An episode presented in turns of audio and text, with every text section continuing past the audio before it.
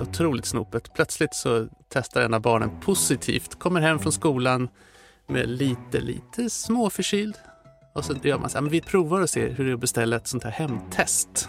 Och här i Stockholm funkar det så att det kommer en taxibil och så får man ett litet kit. Ja, med man en- reservation för att det där kan ha förändrats när den här sänds. Ja, ja, det där kan jag, Det- jag kan ju säga första gången så var det ju överbokat så då gick det inte att få tag i. Och Nej, så det varierar lite över tid. Mm. Men då fick ni i alla fall hemmet Ja, test. så det kom hem ett test, eh, sticka i halsen, skicka tillbaka, svara nästa dag. Det var ju snabbt. Jättesmidigt. Men vad gör man sen då när plötsligt en i familjen är positiv? Ja, men då får man, det är karantän. Fem pers som ska jobba och plugga hemifrån samtidigt. Mysigt. Ja, det är mysigt, men det är också ganska...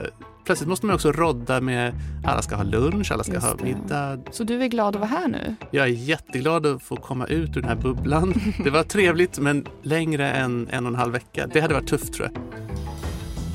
Välkommen in i riskzonen. Jag heter Mattias Öberg och är toxikolog och bredvid mig här har jag Emma Frans. Mm, och jag är epidemiolog och vi är båda verksamma vid Karolinska institutet. Och dagens avsnitt handlar om coronapandemin och också de beteendeförändringar som vi har varit tvungna att göra för att bromsa smittspridningen. Och sen fick ju du möjlighet att göra en helt egen intervju när jag satt i karantän. Mm. Jag hade faktiskt på plats här i studion en eh, vikarie nästan skulle man kunna säga. Erik Agner var här. Han är professor i praktisk filosofi vid Stockholms universitet och han har också disputerat i både vetenskapsfilosofi och nationalekonomi. Och vi pratade om eh, beteendeförändringar i relation till coronapandemin och också just hur man måste beakta olika typer av risker när man utvecklar strategier. Vår mänskliga historia har präglats av omfattande pandemier. Digerdöden, spanska sjukan och aids.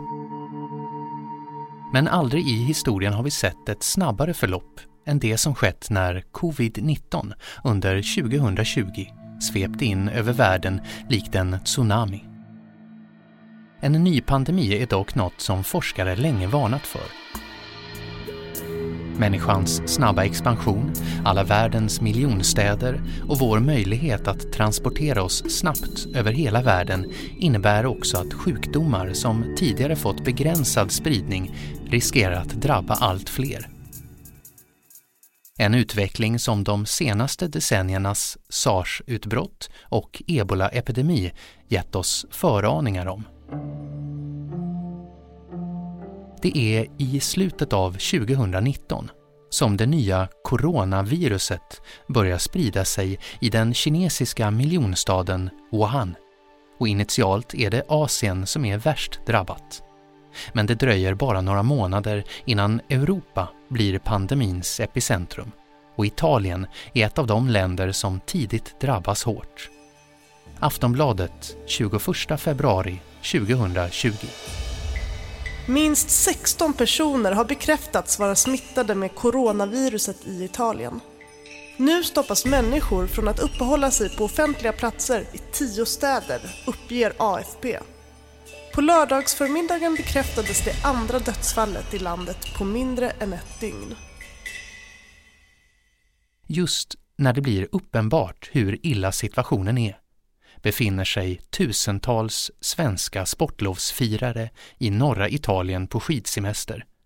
När semestern är över åker sportlovsfirarna tillbaka till Sverige och med sig hem tar de inte bara solbrännan utan många får också med sig det nya coronaviruset.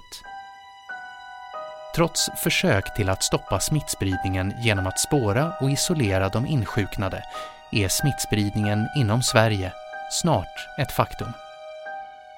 Det finns inga effektiva läkemedel och inte heller vaccin mot den nya sjukdomen, covid-19.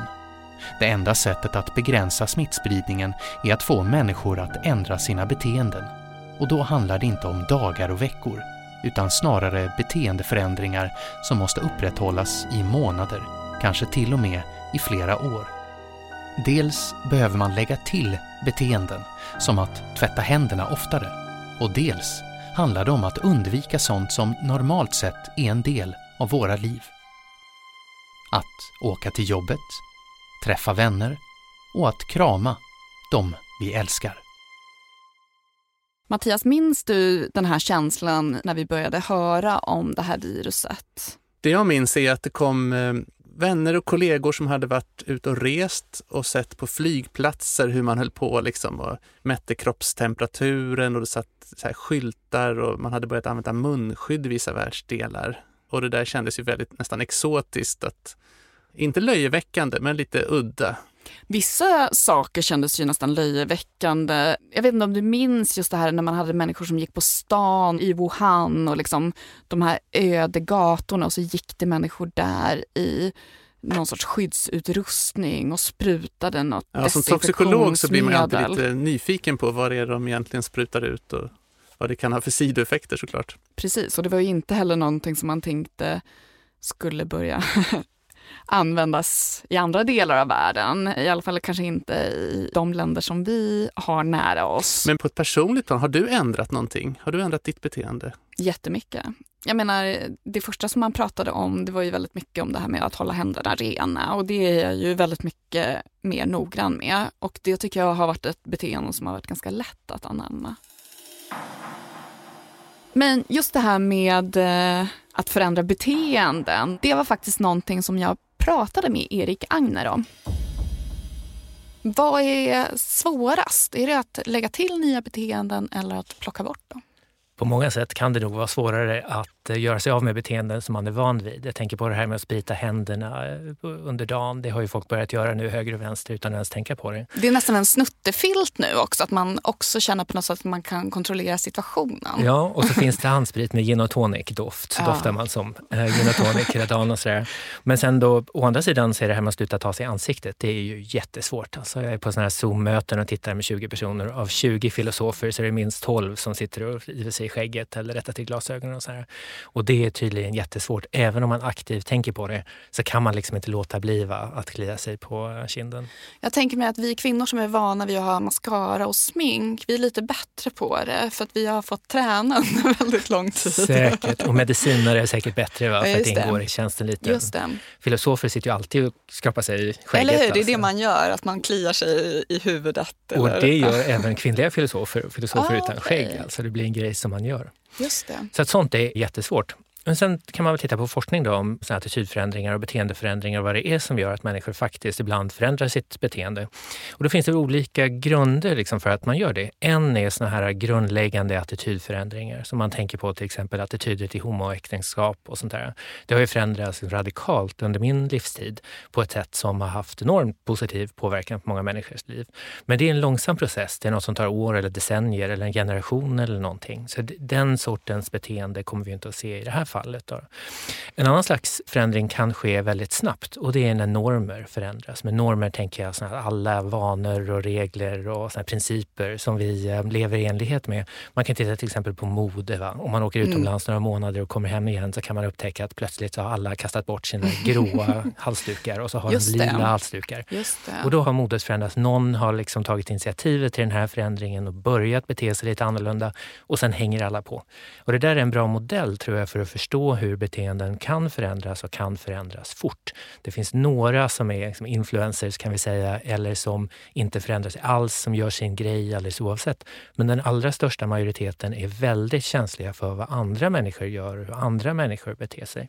Så att vad du gör i det här sammanhanget beror på vad alla andra gör och vad alla andra gör beror på vad du gör och så vidare. I den mån vi är känsliga för andra människors beteenden så har vi inte munskydd på när andra inte har det. Men om alla andra dyker upp på bussen med munskydd, då skulle det kännas som att stå utan byxor, alltså på bussen där, när du dyker upp utan.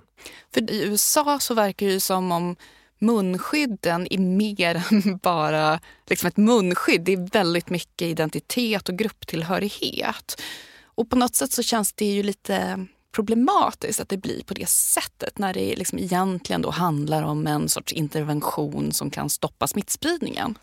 I USA tyckte jag det var intressant hur det blev politiskt med en gång, det här med munskydd. Att de som var mot munskydd det var så konservativa och vetenskapsförnekare och klimatförnekare och det gänget. Och så var det nyliberaler, libertarianer som trycker på människans rättighet att fatta sina egna beslut. Och så, så det blev ganska omedelbart liksom en högergrej.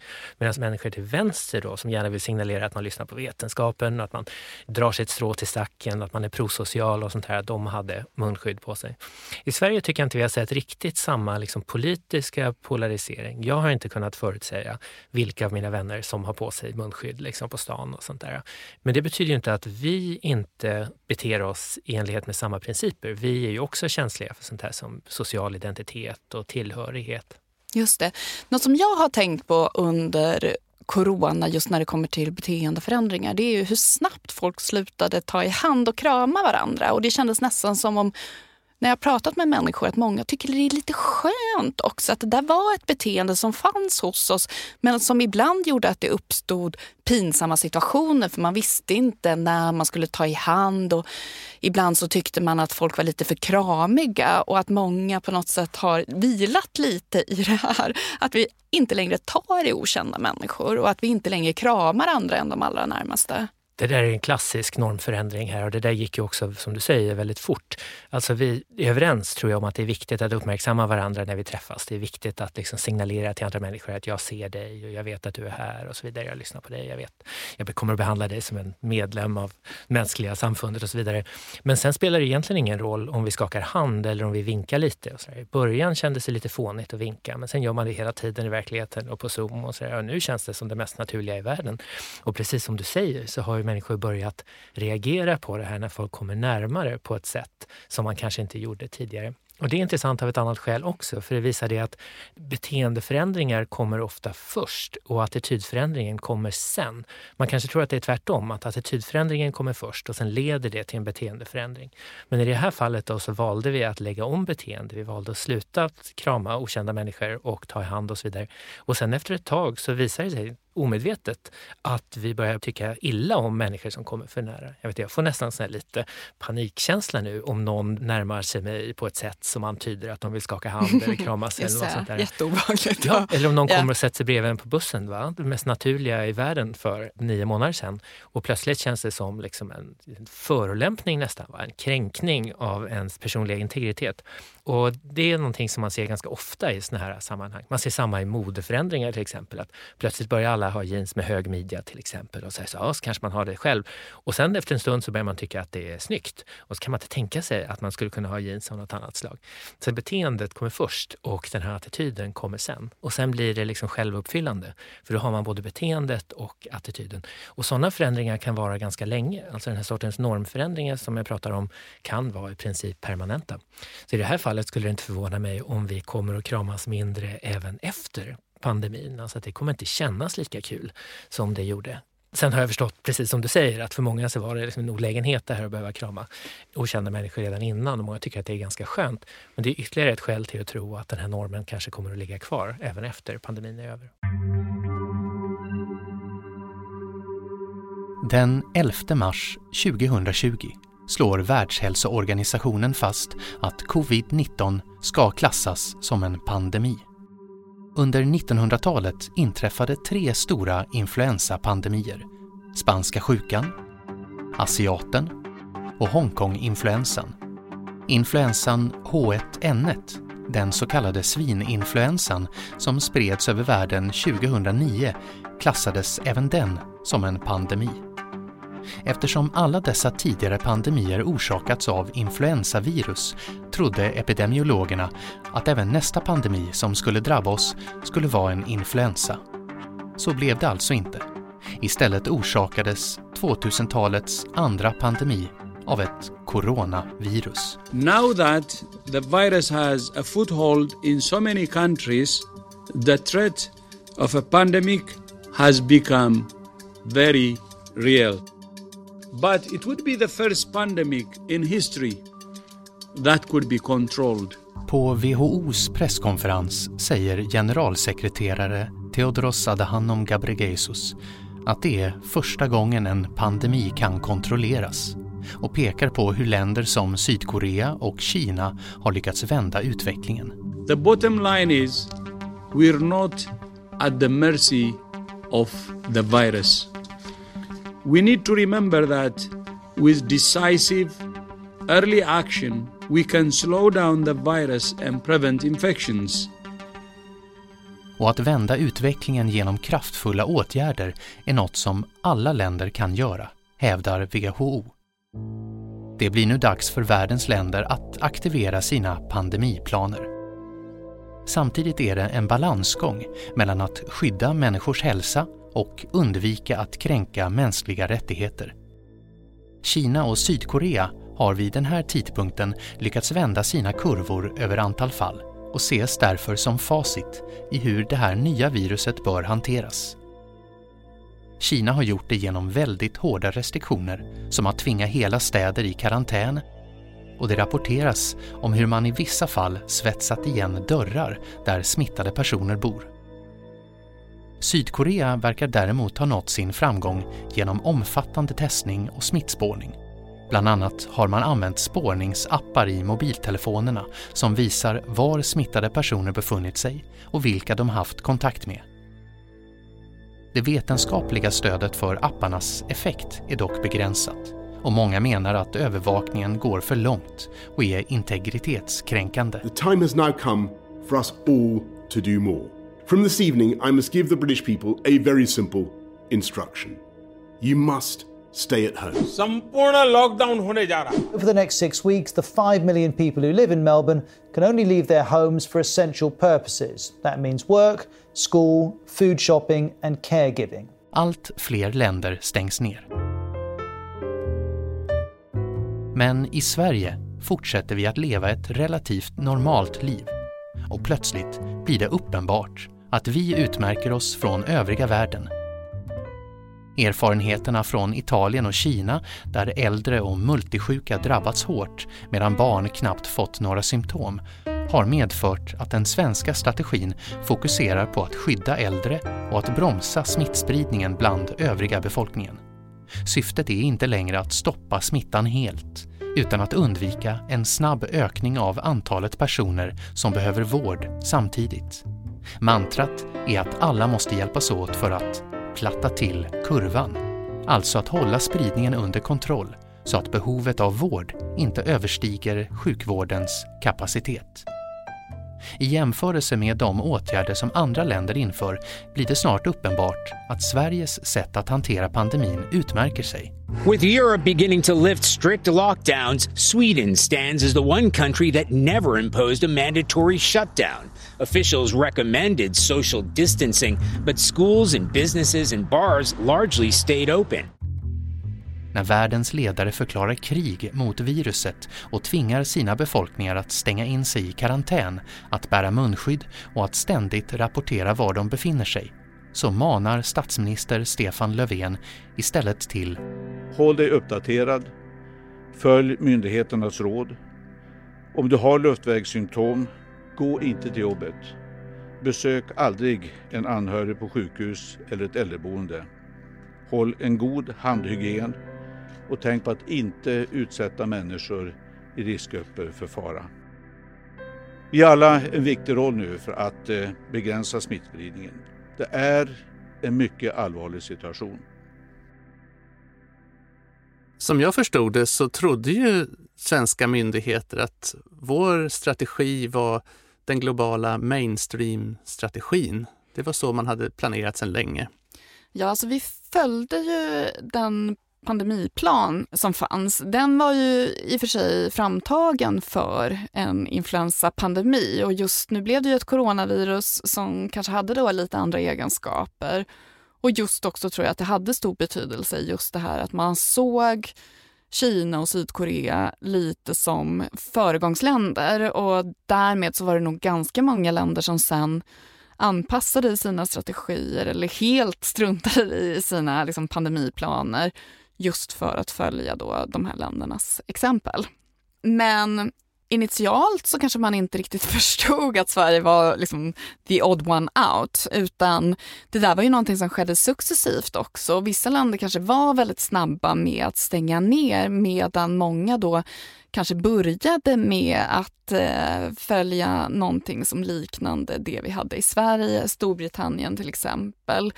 Men sen då successivt så började ju liksom land efter land att införa mer drakoniska åtgärder medan Sverige då var i princip ja, men i alla fall en av få länder som inte då stängde ner på det här sättet. Men det blir ju väldigt uppenbart även nu när vi pratar att man fokuserar väldigt mycket på de medicinska aspekterna. Men som Erik Agner sa så handlar ju det här ofta om andra aspekter också som juridik till exempel. Mm för ett land som Kina med en sån polismakt som de har så går det ju liksom att tvinga folk att följa regler på ett sätt som vi inte... Alltså, tänk dig Åre, va? hur många poliser finns det i tjänst i länet? Det är inte många. Och så är det 100 000 turister. Eller Gotland. Liksom. Hur skulle polismakten där kunna beivra den här sortens lagar? Det är liksom inte på tapeten. Till skillnad från i Taiwan då, då, där man har en app och där poliser dyker upp inom en timme om man stänger av telefonen eller någonting. Det är ju något helt annat. Men ändå på något sätt Världshälsoorganisationen, de signalerar ju ändå att det här var något typ av facit. Det är intressant på flera olika sätt. Så ett sätt är det här att vad Världshälsoorganisationen säger, det är ett ganska grovt tillyxat verktyg. De kommer upp med några principer som ska gälla alla. Och det är klart, ska de vara då enkla och förståeliga och sånt här så måste det ju vara med nödvändighet någonting som är ganska grovt tillyxat. Och det kommer ju gälla i vissa länder mer än andra. Och där måste ju varje land och var och en för sig avgöra huruvida de råden är i linje med de förutsättningar som gäller. Det kan ju inte Världshälsoorganisationen veta. Nej, precis, för att jag menar samtidigt som de säger det här så säger de ju också att det finns olika förutsättningar i olika länder och att också man måste skydda människors hälsa samtidigt som man inte då ska kränka mänskliga rättigheter. Så att man man är ju medveten om att det finns en balansgång här. Sen säger ju Världshälsoorganisationen då att de litar på vetenskap och sånt här. Och det är ju sant givetvis i någon bemärkelse, men det är också ett ganska ytligt påstående på ett sätt som jag tycker är spännande att utforska.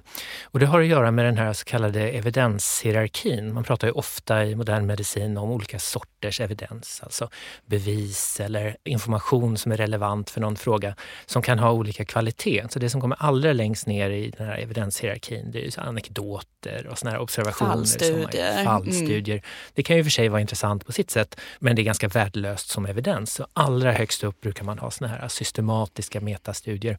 Nära toppen så ligger såna här randomiserade kontrollerade studier där man på ett framåtblickande prospektivt sätt har randomiserat människor mellan en behandling och en kontrollgrupp och så vidare. Och en sak som man kan säga har hänt i det här fallet är att det har uppstått en slags konflikt mellan olika nivåer i den här evidenshierarkin. Så det som Världshälsoorganisationen trycker på det är evidens från Sydostasien, framförallt från Kina och Sydkorea och så vidare. Det är evidens som är ganska långt ner i den här hierarkin. Nu har den fördelar den här evidensen. Den är ny, så den är relevant i den bemärkelsen. Den handlar också om precis det här viruset, vilket man inte har kunnat studera i randomiserade kontrollerade studier, eller vilket man inte hade kunnat studera innan dess i vilket fall. Så att det har uppstått en slags konflikt mellan de som tycker att vi ska förlita oss på den här evidensen längre ner i hierarkin på grund av att den evidensen är mer relevant i sammanhanget. Sen finns det andra som tycker att vi ska förlita oss på evidens högre upp i pyramiden. Och där tror jag att den svenska Folkhälsomyndigheten har gått på den linjen. Om man tittar på den här pandemiberedskapshandboken som de publicerade 2019 till exempel så är det ganska mycket prat om det här med högkvalitativa studier och hur få studier det finns som visar vilka icke-medicinska åtgärder som faktiskt har effekt. De pratar om att det bara är liksom handtvätt och munskydd faktiskt som har testats i högkvalitativa kvalitativa studier och som har visat sig fungera. Så att visst kan man säga så här att Världshälsoorganisationen förlitar sig på vetenskap, men det är ett ytligt omdöme för att vad de skiljelinjer som har uppstått här är mellan att använda mer relevant, nyare evidens från längre ner i den här hierarkin eller äldre evidens från högre upp i den här. Och vad som är spännande med det här är att det finns liksom ingen vetenskaplig algoritm som man kan använda som säger att det här är den strategi man ska använda för att analysera det här läget. Vetenskaper tillämpade tillämpade vetenskaper är en slags konst på samma sätt som det är en vetenskap. Och det här är ganska svårt. Så att det finns evidens av båda typerna och det finns relevanta argument som man kan erbjuda åt båda hållen i det här fallet. Något som jag också har tänkt på just, för något som man tror jag många har upplevt det här året är ju att experter säger emot varandra. Jag tror att det dels handlar om en sorts medial dramaturgi, att man har valt att fokusera väldigt mycket på enskilda frågor där man kanske är oense, som med munskydd och så vidare. Trots att det här viruset är nytt för oss så är det ju ganska mycket vi trots allt är överens om och experterna är överens om. Men där tänker jag ju också att det kan handla om just det här att man också har lite olika perspektiv. Att olika experter kommer in med fokus på olika risker. Att vissa experter är väldigt fokuserade på risken med en ökad smittspridning och att man vill stoppa smittspridningen till varje pris medan då andra experter kanske också väger in de negativa effekterna av eventuella restriktioner. Det betyder ju inte att vissa fel och andra har rätt utan att man har lite olika många parametrar som man tar hänsyn till. I grunden tror jag det här handlar om att allmänheten har en ganska märklig bild av hur vetenskapen fungerar. När vi studerar vetenskap. Man tror att det är en förklaringsmodell. Ja, typ. ja, precis. Och det är så vi har lärt oss vetenskap. Man läser fysik eller kemi på högstadiet. Va? Så får man en lärobok med alla satser som utgör liksom kemin. Va? Och då tror man att vetenskapen är ett helt gäng påståenden som alla håller med om och som är sanna. Och vetenskap fungerar ju inte så alls. Det är klart att det finns inom varje område ett antal olika påståenden som folk överlag är överens om. Till skillnad från filosofin där ingen, det finns någonting som yeah. alla är överens om. Men sen alltså på forskningsfronten då, så finns det ju människor med olika uppfattningar och sånt där. Och grejen är att det är inte ett problem med vetenskapen. Det är så vetenskapen fungerar. Det finns ett vetenskapssamhälle där alla har en viss utbildning, men man bollar idéer med varandra, man kritiserar varandras teorier och mycket av det som vi pratar om inom forskningen på forskningsfronten är ju preliminärt och någonting som vi kommer att vara tvungna att revidera. Och så. Men vad som händer då i medierna ofta är att det dyker upp två personer och säger olika saker och då drar människor kanske slutsatsen då antingen att det här är ingen vetenskap alls, det här är bara liksom bondfångeri, eller att vetenskap är samma som vilken annan debatt som helst, liksom pajkastning och så vidare. Så där har vi, tror jag, det här är ett problem som är större än pandemin, liksom ett stort uppdrag att förmedla hur vetenskapen kan både inbegripa radikala skillnader i uppfattningar av olika slag och en grund som vi har god evidens för att tro är sann.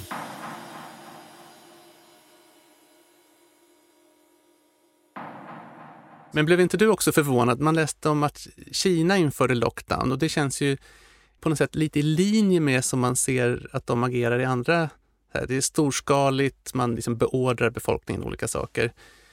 Och man kanske inte förväntade sig att Italien skulle införa den typen av hårda restriktioner så snabbt. jag minns att jag skrev ett tweet, om det var i januari tror jag det var, där det stod just det här att eh, vilket västerländskt land skulle kunna låsa in sin befolkning på det här sättet.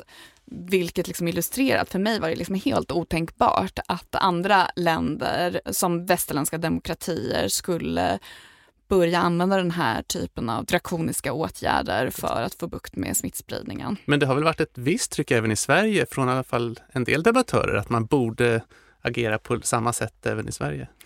Väldigt mycket så och det är också lite förvånande och det handlar ju också om att man kanske inte riktigt förstår. Man tror ju att det här handlar om att politiker underskattar hotet från smittan. Men mycket av det här handlar ju om att det finns eh, jag menar, juridiska hinder som gör att vi inte bara kan låsa in vår befolkning och det är ju också att ha den typen av begränsningar när det kommer till vad politiker faktiskt får göra för att inskränka vår frihet. Det är ju någonting som man har kommit överens om att man bör ha i och med att man ser också risker med den här typen av inskränkningar. Vi har ju hela tiden varit väldigt mycket inriktade på att vi ska ha en hållbar hållbara rekommendationer. It's different in different parts of Sweden, even if it's a small country. I mean, Stockholm and the surrounding areas, which is about Är det här rätt sätt att gå? För det finns ju uh, också unga människor som inte orkar längre. Tyvärr är det ett nödvändigt sätt att gå. Vi ser ju en ökad smittspridning. Statsepidemiolog Anders Tegnell har varit coronaårets huvudperson och deltar dagligen på presskonferenser för att redovisa spridningen och förklara strategin. Vad vi nu framförallt är oroliga för är att vi ska få utbrott lite här och där, eh, kanske framförallt i de regionerna som... Dr. Tegnell, thank you so much for joining us on the Daily Social Distancing Show. You are chatting to us from a train station right now, is that correct? Yeah, that's correct. Uh, train station in Stockholm, Sweden. Okay. Are you, do you, are you commuting? Are you, are you still out and about? Yes, I'm commuting from my home, which is in Linköping, a town some 200 kilometers to the south.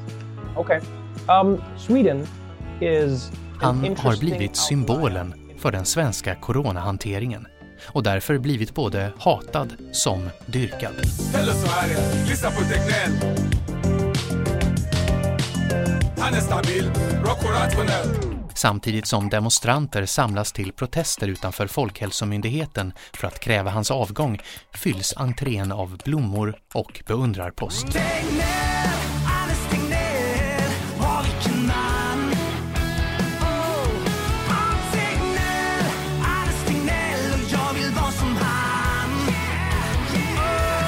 Allt som Anders Tegnell gör och säger kommenteras i media.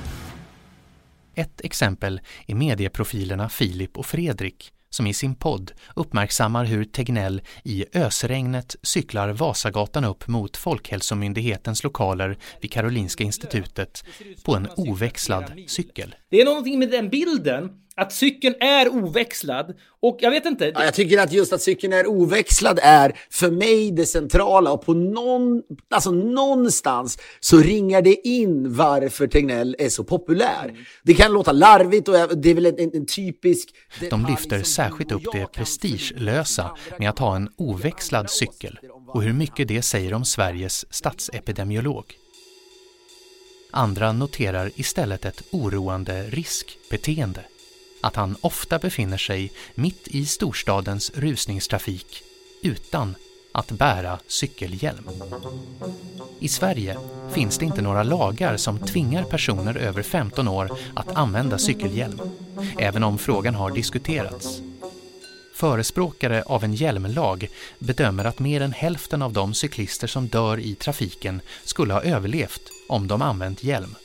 Motståndarna menar att denna typ av lag skulle minska cyklandet och därmed skada folkhälsan.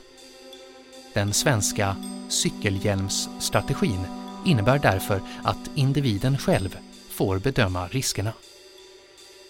Under coronaåret 2020 blir det tydligt att åtgärder för att minimera en risk ibland kan leda till att riskerna för andra negativa hälsoeffekter ökar. Det är lättare att räkna ut hur många som drabbas av covid-19, men svårare att bedöma hur många som drabbas av mer långsiktiga effekter av de olika åtgärderna mot covid-19. En fråga som blir hängande i luften är väl ändå då, gjorde det någon skillnad när man nu ser de länder som gjorde väldigt kraftiga restriktioner av människors frihet och de som lite mer då som Sverige försökte få människor att ta eget ansvar på något sätt. Alltså om vi tittar jämfört med många andra länder så har ju Sverige ganska höga dödstal. Sen så är det när det kommer till Ja, men det är också lite svårt att göra olika typer av jämförelser. Det beror lite på vilka länder man jämför med. För i vissa länder så rapporterar man om dödsfallen på ett helt... Alltså man definierar och rapporterar om olika i olika länder. Och även när det kommer till antalet fall så är ju det här ganska beroende av hur många som man faktiskt testar. Men om man jämför då med de andra nordiska länderna så är det ju tydligt att Sverige har fler antal döda. Sen så är det väldigt svårt att veta ifall det här går att liksom tillskriva den svenska strategin. Vi hade ju väldigt många som var ute och reste där i början av året och vi fick väldigt många importfall. Men jag menar strategin, om vi säger liksom det som förenar länderna, det är ju att strategierna har ju alla på något sätt målsättningen har ju varit just det här med social distansering, att få människor att inte mötas. Och i vissa länder har man ju då valt att göra det genom att tvinga människor till att stanna hemma. Medan i Sverige så har man då manat folk att hålla avstånd men ändå kunna gå till jobbet och att barn har kunnat gå till skolan och så vidare. Och det kanske inte är då lika effektivt, åtminstone inte på kort sikt, för att bryta de här smittkedjorna genom att få människor att hålla avstånd till nya människor och andra människor.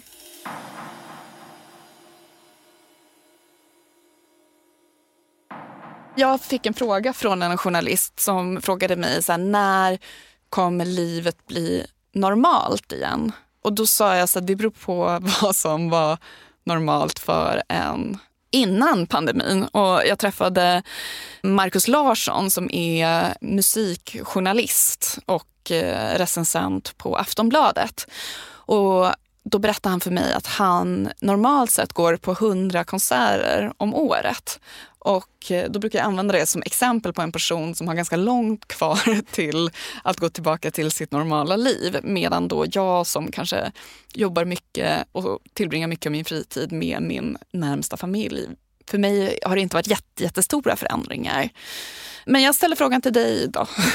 När kommer det bli, eller vad kommer liksom det nya normala att vara? Jag tror på många sätt att vi kommer återvända till våra gamla vanor. Och sådär. Om man tittar historiskt så har det ju hänt förut. Alltså att det varit stora kriser och pandemier och krig och sånt där. Och folk har en förmåga att återvända ganska fort, kanske fortare än man tror efter såna här äh, kriser. Men sen finns det några sätt som jag tror att våra liv faktiskt kommer att bli annorlunda efteråt. Och det är liksom två olika kategorier av saker. Det ena är den här sortens sak som vi diskuterade med handskakningen, när det finns olika sätt att uppnå samma mål. Vi bryr oss egentligen inte om att skaka hand, men vi bryr oss om att uppmärksamma varandra. Det finns många sätt att uppmärksamma varandra på. Man kan göra en liten japansk bugning eller man kan vinka lite sådär som man gör på Zoom och så vidare. Och där kan jag mycket väl se att vi kommer fortsätta att bete oss på det här nya sättet nu, för att vi brydde oss egentligen inte om att skaka hand. Men det sägs att den här traditionen kommer från att man ska visa att man inte har ett vapen i handen. Va? Och den funktionen är ju liksom lite passerad många sammanhang i Sverige i alla fall. Sen finns det en annan slags förändring som jag också tror vi kommer att se och det är förändringar som redan var på gång som har accelererats av den här pandemin. Så till exempel när en trend mot mindre flygande till exempel och användande av elektroniska hjälpmedel. Det är inte alls ovanligt i min bransch att man flyger till USA för att hålla 20 minuters föredrag någonstans. Och den sortens resande om man bara åker för just det här föredraget är ju ganska meningslöst. Det kan man ju mycket väl göra elektroniskt. Och många möten tror jag kommer att vara elektroniska i framtiden. Sen kommer inte folk sluta resa helt, utan jag tror vi kommer resa ganska mycket, men vi kommer resa på ett mer medvetet sätt. Sen när vi åker tror jag vi kommer att åka kanske längre stunder. Vi kommer att ha fler saker på schemat som vi får mer nytta av den här resan, i alla fall i professionella sammanhang. Så där finns två sorters förändringar. Ett annat exempel på den andra sorten är så med näthandel till exempel. Det är en trend som har pågått ganska länge, alltså 10-20 år eller någonting. Och det var ju på gång redan innan, men den trenden har accelererat. Så jag gissar att vi kommer se under julhandeln här 2021 väldigt mycket mer av den handeln kommer att ske på nätet än den har gjort tidigare år låter ganska bra. Det kan man leva med. Ja, alltså det här med flygresande till exempel. Det har ju, det har varit, ju bubblat. Ja, det har ju mm. bubblat mm. längre av klimatskäl och andra skäl. Och många har väl upplevt att de kanske flyger för mycket och funderat på sätt att komma till rätta med det här. Och nu har pandemin då visat att även liksom vi medelålders akademiker kan lära oss de här nya elektroniska verktygen och de fungerar ganska bra när man väl har vant sig vid dem. Och då tror jag att det kommer att fortsätta. Vi kommer fortsätta använda det.